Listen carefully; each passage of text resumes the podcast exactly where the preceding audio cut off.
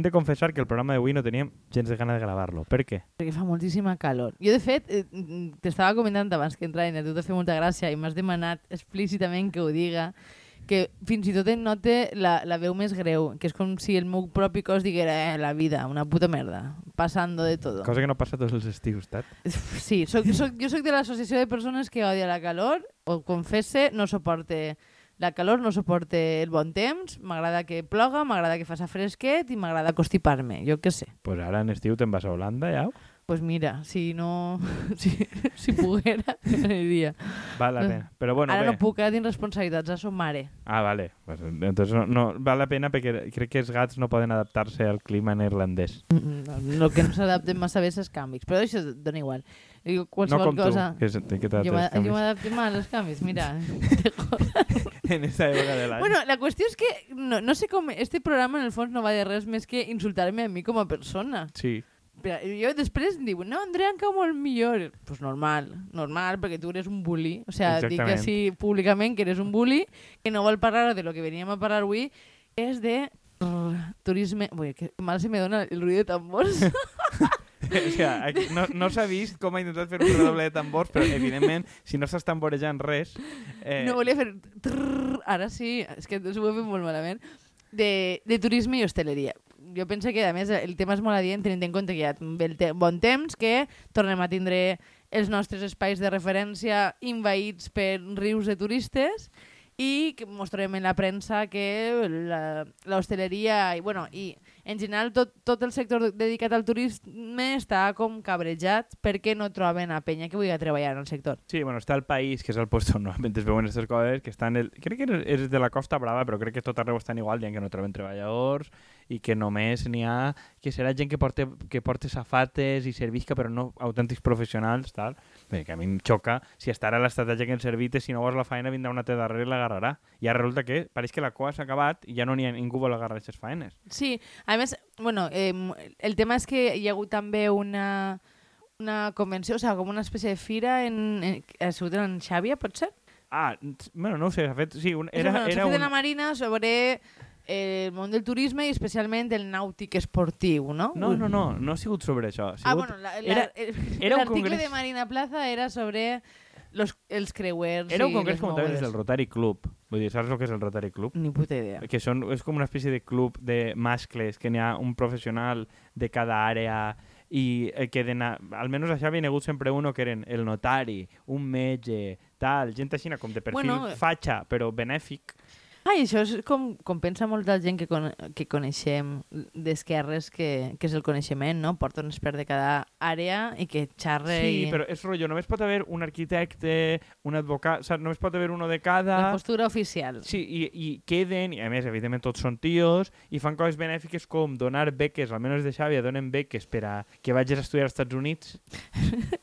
Per aguantar la nostra turra, Sí. això és com el que te convida una copa després de haver-te molestat durant dues és, hores. és fatal, i queden, i queden a, a sopar entre setmana, i es bufen i coses d'aquestes. I muntaven un congrés... No com, nosaltres. Exactament, res que volem nosaltres. Però ells una miqueta més de... Més, bueno, ells pensen que és classe. I ells De manera not- professional, diguem. Exacte, ells tenen notaris i coses així. No? El cas és que estos havien fet com un congrés pagat pels alcaldes de la Marina, que ahí eh, prou pagafantes són els sociates. Eres conscient de que eres el fact-checker del programa? Per què? Perquè eres el que dona los datos. Els datos. Jo dono la desinformació en ja, jo general. és que no voldria donar los datos, perquè a mi no m'interessa la informació, Pues no ni el periodisme, ni res. O sigui, no sé per què. Podries tu informar-te de algo. Jo m'informe, però sóc incapaç de retindre la Ja, ja informació. estic aquí donant dades com si m'interessara. Bueno, Tu vols que jo en la faena me dedique a, a imprimir-me articles i vinc així en els articles subratllats per saber de lo que parle? Dos màsters, senyors i senyors, dos màsters. Bueno, bé, que, ha, aquí n'hi ha una sèrie d'alcaldes sociates i de compromís i tal que els han pagat la broma als fatxes estos dels collons. Para de riure't i, a veure, fact-checking, aquí. Que, no, és que no puc superar-ho. Bueno, el, el tema és que eh, estaven... Eh, a mi m'ha- fet molta gràcia, entre cometes, ràb i, bueno, en, en, molta, entre cometes, més ràbia que gràcia, que han, han soltat una frase que recorda molt del test de Rita, de que eh, vivim de cul a la mar, no? Que era la gran obsessió de Rita Barberà. I era perquè, pues, mm, ja siga que és una, un poc, eh, una de les idees que ens agradaria treballar quines són les raons que fa que sigui un sector que estiga morint-se, lo qual, sincerament, jo m'alegre moltíssim. Ara, això ho diu Context, el fact-checker vuelve aquí, això ho diu autor, el de Baleària, de que ells tenen molts postos de feina a Baleària que no, que no, que no cobreixen.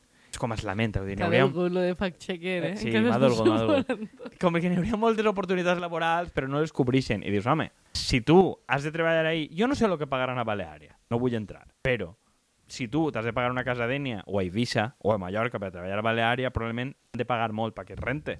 Per a posar context, és a dir, en, en, per almenys en la Marina Alta, tenint en compte que és una de les zones més turístiques del País Valencià, hem superat en alguns municipis, entre ells em sembla que Xàbia, em, el rècord històric de preus de lloguer. Vull dir que si tu vas anar a treballar en, en, en qualsevol dels municipis de la costa, hauràs de ser conscient que un 50% del teu sou, com a mínim, se n'anirà a, a pagar una casa que no és teua.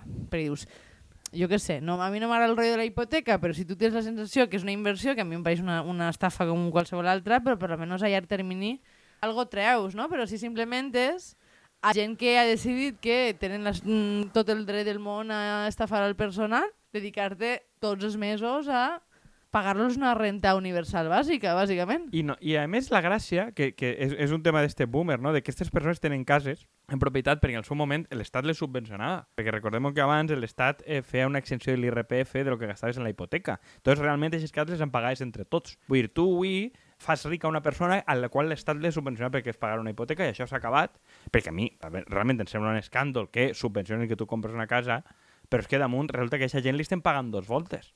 I, i, i, i bueno, no, la solidaritat intergeneracional i els pobres abuelos no poden anar al banc a veure els diners que tenen. Pues, pues, Jo no puc dir res perquè l'altre dia estava en una jornada de mm, habitatge digne i persones majors i m'he de callar la punyetera boca perquè Ah, sí. estava super, super contenta Eh, en el fantàstic. del sector. La gent que em coneix sap perfectament quina és la meva opinió, per tant. Sí, aquí no pots dir-ho tot i que en el teu Twitter estiga, crec que prou de, de palès. repente he tingut pudor de, de, de dir que em va pareixer una puta merda de plantejament. Claro, Pues no, bé, no ahí me queda. importa lo que diga l'abuela. Però no veníem a parlar només de abuela, sí en tant que propietaris i càncer. I, ara ja hem tocat els nostres temes de confort, que són el PSOE i l'abuela. Continuem. Vale, eh, sí. el Bueno, nostre... la, la, lo, que, lo que estan dient, o sea, primera, com han aconseguit que en zones turístiques no vingui a treballar ningú? O sea, de fet, Eh, perdona que talle. està al sant el dit Estic al, estic al sant del dit. per a demanar la paraula. Està graciós perquè avui tinc molt... O sigui, com tinc tantes poques ganes de gravar, tinc molt de cachondeo.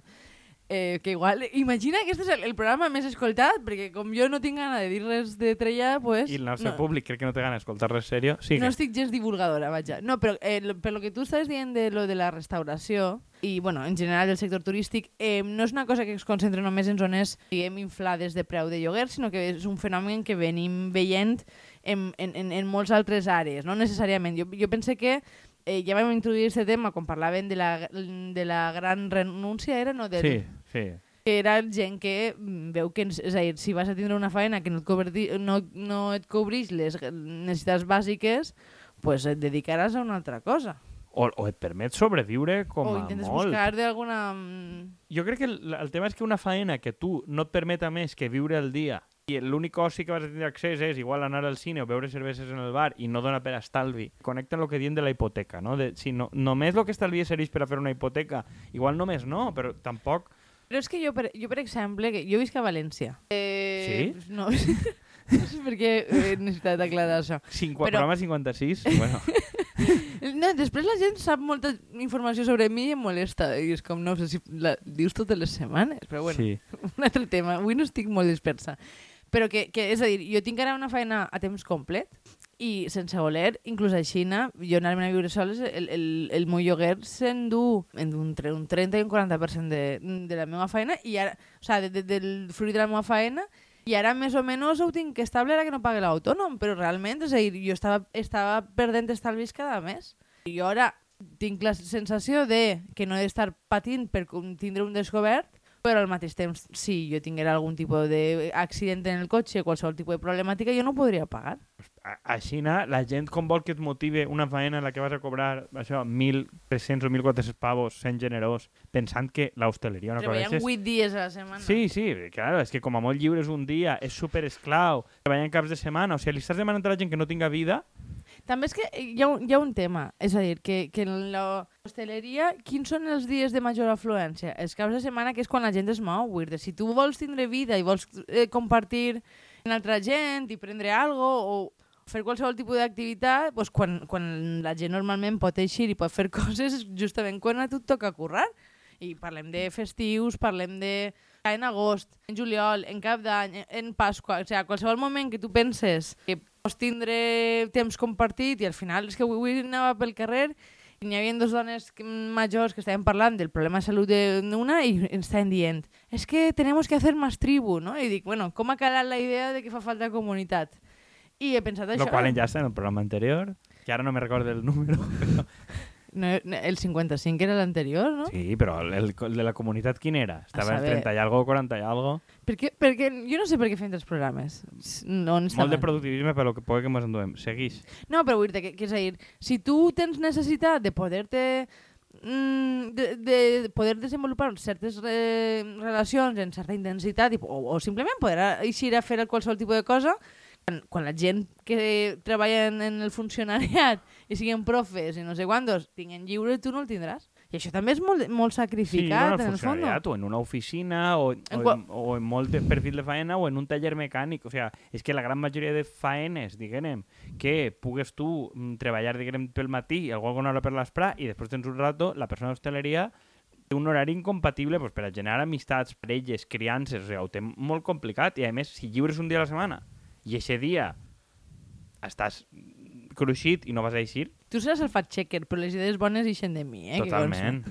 Ah, o ja sigui. L'únic que jo estic molt dispersa i tu li dones com un sentit i un relat i queda bonico, però les idees bones són meues. Bé, això és una relació un poc injusta, perquè a mi la, la meva creativitat està un poc coartada, però, bueno, segueix. No, no, dic perquè està, és, eh, no, tot ho dia perquè estaves dient-ho de, de manera bastant ben treballada. Però, a més, és que, o sea, llegíem esta setmana passada també un titular que de fet em vas passar tu, que me va parecer prou interessant, no? que eh, la gent que, que treballava en Alacant, en la província d'Alacant, eh, si eixien a treballar fora, eh, tenien possibilitats de diguem, de pujar de classe o d'un cert, Sí, de- una certa millora de salari, no? Vull dir, perquè els salaris en la zona són molt roïns i jo pense que no podem deixar de veure que és una zona molt turística i que viu principalment del turisme. Jo ahir no sé el paper que pot tindre el tema de l'economia submergida. O sigui, perquè sempre És possible. sempre eixen moltes coses, rotllo. Eh, una de les zones que hi sempre més pobres d'Espanya crec que són típics barris d'Elx, que són en, en molt de en molt de taller i molta fàbrica de sabates i, a veure, evidentment crea pobresa, però n'hi ha un gran per, tant per cent d'economia submergida que apareix ahí com si fos atur estructural. És mentira. I les zones de costa passa el mateix. O sigui, n'hi ha molt que té que veure en l'obra, té que veure en l'hostaleria. Cosa que això no vol dir que realment es genera precarietat. No és tanta com la que pareix. O sigui, jo crec que ahí pot haver un cert factor Sí, però jo no crec, és a dir, jo no crec que no sigui una dada menyspreable. Més, més enllà de que probablement caldria eh, posar-li un cert tope a la credibilitat de, del dato en, en si. Però que si tu tens una comarca, una província dedicada principalment al turisme, no crec que sigui només nostre. Jo penso que gran part de Castelló pot dir exactament el mateix, gran part de València també, però al final València, al ser una ciutat gran i tindre cert així, crec sí, que la província és- de Castelló és més diversa. La de Val- València és més diversa i la de. Castelló té molta indústria per la població que té. Entonces, crec que en Alacant es veu més perquè al ser dos milions d'habitants, però tingues gran part de la població vivint a la costa i molt turistificada, ha d'aparèixer per collons, això és veritat. Però, però és a dir, eh, jo vull que, que dibuixem el marc, no? Tens una, una gran part de, de la població dedicada d'una manera o altra a, a gent, eh, a serveis, serveis de, de turisme, o sigui, hostaleria, hotels, etc etc. Tens una, un gran sector també de pisos turístics, tens un problema d'habitatge molt gran, tens un problema de, de de trobar casa i de trobar casa assequible, ba- una barbaritat. Què passa? És que, és que després mos queixem que la gent no es queda, que no hi ha una oportunitat real. I jo, a mi m'agradaria comparar en el, en el cas de Balears, no? I com ja no és un problema per a la gent eh, que va de temporada, perquè jo ja sí, sí he llegit alguna coseta, no? De que inclús en els restaurants i en els hotels i ja, ja hi ha un problema de personal perquè aquesta gent no té on quedar-se, però és que tampoc tenen on quedar-se metges i professors. Vull dir ja, ja no és qüestió de que l'hostaleria estigui donant males faenes, és que l'impacte que està generant al seu voltant és devastador. està impossibilitant la vida de, de, de tota la resta de, de les persones que viuen ahí en general, i, i, i sense parlar del cost ecològic i, i, i en general de serveis públics. Tu imagina't ser metge en Mallorca.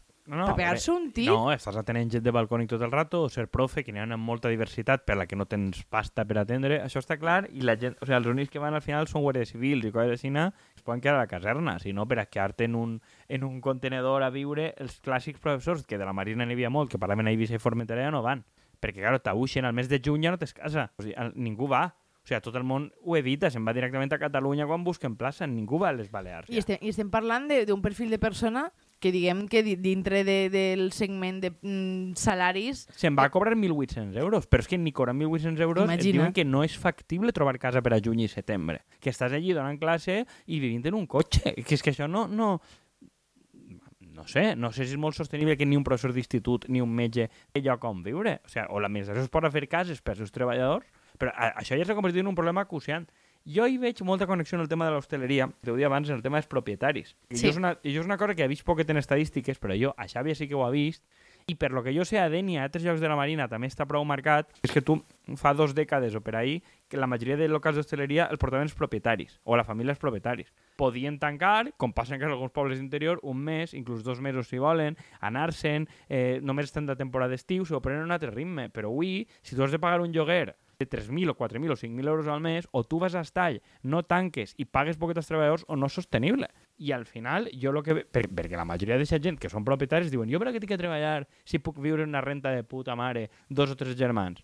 Pues no treballen. És que probablement això a nivell individual té tot el sentit del món, però els efectes que té a posteriori són terribles, perquè és a dir, jo crec que això genera un, un, un perfil en el sector, però no només, eh, perquè crec que això ja ho hem parlat altres voltes, de quin efecte té en el xicotec comerç i la impossibilitat de sobreviure en xicotec comerç perquè no pots cobrir els, gastos de lloguer. Però si tu tens un, un local que no és teu, i has, eh, has de pagar gastos i és gran part dels beneficis que tu treus, acabaràs fent dues coses. O sofisticant el menú per a que sigui algo més gourmet i, i cobrisca costos i tingués un cert benefici, o acabaràs en un, una merda prefabricada orientada única i exclusivament a turistes i en un perfil d'estafa. No? Crec que es dia lo de... Quin, quinta gamma, La es diu. quinta gamma, Sí, que però- és tot però no, no. congelat. No només, eh? Vull dir, crec que hi ha perfils que estan, no sé si en la quarta, perquè no sé quina la quarta quina és, però, però que vaja, que, que no, no sé si arriben hasta ahí, però quasi. Vull Trobo que la cuarta, si no recuerdo algún programa de estos, de la sexta de equipo de investigación, era que, rollo, tingues les croquetes congelades o coses així, no les acabes. La quinta gamma és que ve tot ja Ja. fet, i només ho has de calfar. O sigui, la quarta seria de dir, vale, tinc les gambes o tal, certa cosa, ve, i jo la completa, i quinta és ja ve tot fet. sí. Però, clar, és que tampoc tens... O sigui, tu no tens molts models que donen. A un puesto de platja o dones sàndwich i tot això tot el sant dia per a que els guiris vagin i amortitzar el local, que els cambrers estan moltes hores i moltes hores van estar quiets, o no ho fas. I al final és una cosa que tu també comentaves abans, que tens un perfil de, de restaurant d'aquest estil que no, és a dir, no és un xicote propietari el que es munta això, sinó que al final és una persona que en té 7 o 8 Clar, en, un, en una zona molt I concentrada. també hi ha un avantatge, que si tu eres un grup empresarial d'aquest tipus, el lloguer tu te'l deduïxes. Sigui, el lloguer és deduïble. El tema és si tu t'eixa compte de deduir-lo o no, perquè tu guanyes molt per damunt d'això, que és el mateix que fa Mercadona en les tendes i tal. Si tu tens molt, a tu t'eixa compte perquè vale, el lloguer no computa com a gasto i a tu fiscalment t'eix bé. Ara, si tu eres uno, Vale que te'l pots deduir, però probablement no pots permetre parar, perquè tens que donar sempre més benefici que el lloguer que pagues. Això per a un grup empresarial no és, normalment no és problema, però per a un xicotet sí. El tema que és? Pues no pots parar, no pots donar vacances, no pots pagar sous decents, que és el que feien els locals d'abans, que era donar molta propina i molt d'extra, evidentment en negre als treballadors, i la gent que havia treballat en hostaleria, que jo conec que havia treballat a Xavi en els anys 90 i 2000, treballadors havien fet pasta i havien donat per estalviar. Avui no és factible.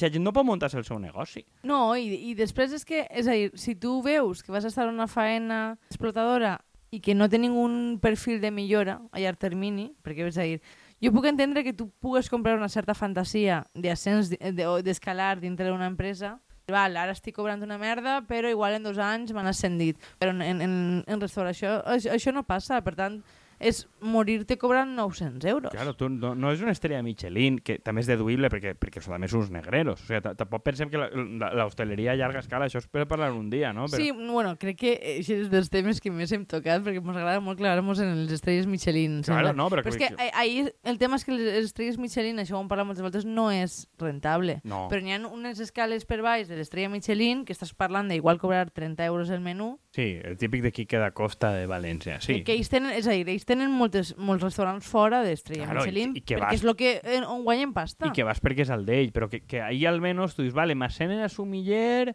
i després tinc un currículum i vaig a un altre puesto més o menys de gamma B i em paguen decentment. Però això és no, tu ahir sempre vas a cobrar mil i poco euros perquè està estructurat, perquè si tu no cobres mil euros en el xiringuito, el xiringuito no va a cara a l'aire. Entonces, eh, crec que dificulta molt la vida i que, crec per a tancar, que té sentit el que dius tu de la limitació ecològica, perquè encara que pagarem bons sous, crec que és un sector que és destructiu per a altres i no és positiu que estiga, però és que damunt, fonamentalment, pel tema de la propietat dels locals i la propietat de les cases, estem pagant-li la broma als putos huelos que no tenen ganes de fer faena, en un aspecte més.